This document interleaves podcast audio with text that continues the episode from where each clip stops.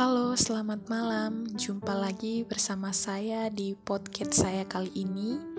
Di episode kali ini, saya akan menjelaskan beberapa cara cerdas lulus kuliah tepat pada waktu bagi teman-teman mahasiswa dan mahasiswi di mana pun kalian berada. Nah, sebelumnya perkenalkan, nama saya Francisca Ayudia de Rosari. Saya mahasiswi dari Universitas Nusa Cendana Kupang, program studi bimbingan dan konseling semester 6. Nah, teman-teman, malam hari ini saya akan menjelaskan beberapa cara cerdas agar teman-teman uh, teman-teman bisa lulus kuliah tepat pada waktunya.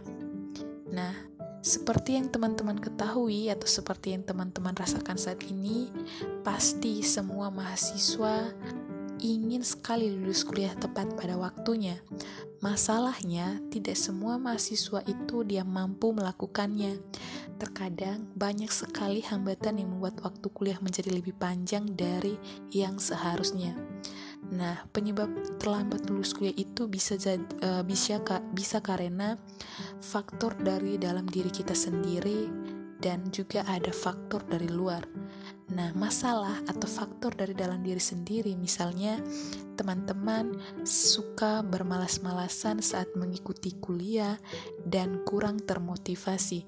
Nah, kurang termotivasi di sini seperti mungkin teman-teman kurang termotivasi dari orang tua, dari eh, teman-teman, uh, dari lingkungan maupun juga dari orang-orang yang spesial buat teman-teman.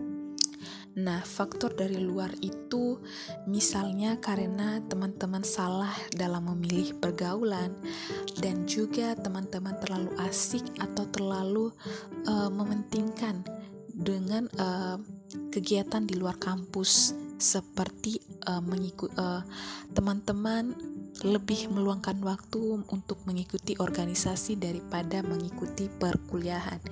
Nah, teman-teman, cara yang pertama agar teman-teman bisa lulus kuliah tepat pada waktunya yaitu adalah sadar tujuan kuliah. Nah, pertama-tama teman-teman harus sadar apa kewajiban kamu sebagai seorang mahasiswa. Nah, tugas utama kamu atau tugas kita, utama kita sebagai seorang mahasiswa adalah belajar. Hasil yang diinginkan oleh orang tua dan diri kita sendiri maupun kampus adalah agar teman-teman bisa lulus kuliah tepat pada waktu dan memiliki nilai yang bagus serta kepribadian yang unggul. Nah, jika teman-teman sejak awal sudah tahu apa tugas kamu, maka selanjutnya yang harus teman-teman lakukan adalah bagaimana teman-teman bisa mengupayakan uh, agar bisa mencapai target yang sudah ditentukan. Nah, bagi teman-teman saya yang baru masuk atau bagi mahasiswa-mahasiswa baru, sebaiknya dari sekarang memantapkan diri agar bisa men, uh, target menargetkan uh, jangka waktu untuk menyelesaikan pendidikannya. Jika sampai teman-teman terlambat lulus, banyak sekali kerugian yang teman-teman alami, seperti umur yang semakin menua, terus uh, relatif juga lebih sulit masuk dunia kerja dan juga kerugian akan uh, biaya perkuliahan orang tua akan semakin susah karena memikirkan uang registrasi dan juga teman-teman tidak kunjung wisuda dan juga mungkin ada yang ingin menikah tetapi kendala ya karena masih kuliah. Oke. Okay. Baik.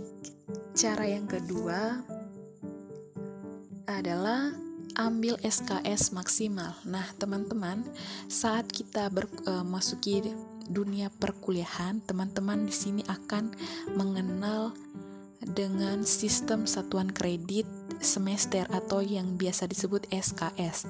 Nah, sistem tersebut digunakan untuk mengukur beban studi mahasiswa saat menempuh jenjang tertentu.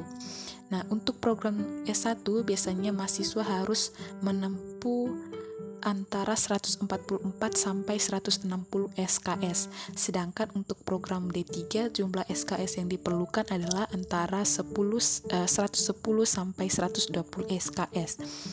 Nah, teman-teman di sini bisa mulai berhitung untuk bisa lulus kuliah tepat pada waktu dan juga teman-teman bisa ambil SKS maksimal di setiap semester. Dan biasanya jumlah maksimal SKS per semester itu adalah 24 SKS. Cara yang ketiga adalah dengan rajin kuliah. Nah, di sini teman-teman harus rajin kuliah, hindari uh, apa sering bolos-bolosan, apalagi menitip absen. Tetapi sekarang kan uh, kuliahnya dilakukan secara online. Tetapi di sini uh, seperti yang teman-teman lihat atau yang seperti teman-teman alami sendiri bahwa walaupun kita masih online tetapi masih juga ada teman sebagian dari teman-teman kita yang masih malas ya memang mereka mengikuti perkuliahan tetapi mungkin ada yang mengikutinya di jalan atau yang atau ada yang lain mengikuti sambil tiduran. Nah uh, di sini teman-teman itu harus memprioritaskan kuliah, harus memprioritaskan kuliah dan tidak boleh melakukan hal-hal lain. Harus rajin kuliah dan tidak boleh bolos-bolosan lagi. Cara yang keempat yaitu mengerjakan tugas sebaik-baiknya. Nah, di sini berbicara tentang mengerjakan tugas seperti yang teman-teman rasakan juga memang mengerjakan tugas itu sangat-sangat uh, bosan dan juga ada yang merasa capek apalagi uh, kalau dosennya itu sering memberikan tugas yang banyak. Di sini saya rasa mungkin teman-teman uh, pernah mengalami rasa frustasi ketika mengerjakan tugas yang begitu banyak. Nah, di sini teman-teman sebaiknya teman-teman kerjakan tugas itu sebaik-baiknya sesuai dengan apa yang teman-teman uh, pikirkan, apa yang teman-teman ketahui. Di sini upayakan uh, bisa mengerjakan sebaik mungkin dan tidak mengcopy paste ya. Intinya tidak mengcopy paste tugas dari temannya. Nah, di sini dosen pasti akan mengapresiasi mengapresiasi mengapresiasi usaha yang sudah teman-teman lakukan dengan memberi nilai yang lebih bagus lagi. Dan jika uh, misalnya teman-teman ada kesulitan dalam mengerjakan tugas, teman-teman tidak boleh malu atau tidak boleh sungkan untuk bertanya kepada teman yang lebih tahu atau lebih paham ya. Cara yang keempat eh cara yang kelima yaitu manajemen waktu. Nah, teman-teman, kunci sukses dalam bidang apa pun adalah manajemen waktu. Teman-teman harus mengatur waktu sebaik-baiknya agar setiap tugas bisa selesai dengan baik.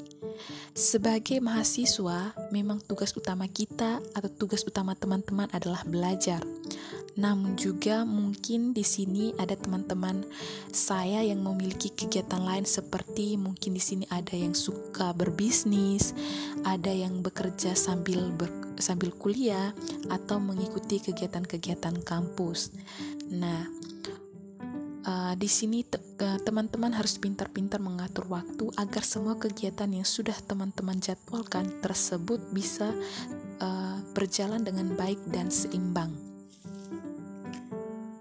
Cara yang keenam yaitu memilih pergaulan. Nah, di sini memang pergaulan itu memang sangat penting dalam kehidupan kita sehari-hari.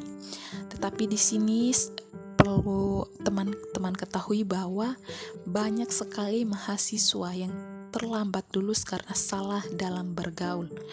Ada yang mm, terlalu sibuk dalam dunia organisasi mereka di luar kampus, ada yang sibuk jalan kiri kanan, dan juga ada yang sibuk rebahan dan bermalas-malasan tadi. Nah, oleh karena itu, teman-teman harus pandai dalam memilih teman atau memilih lingkungan sekitarnya. Eh, hindari teman, hindari teman atau lingkungan yang tidak memacu diri kamu untuk menjadi pribadi yang lebih baik.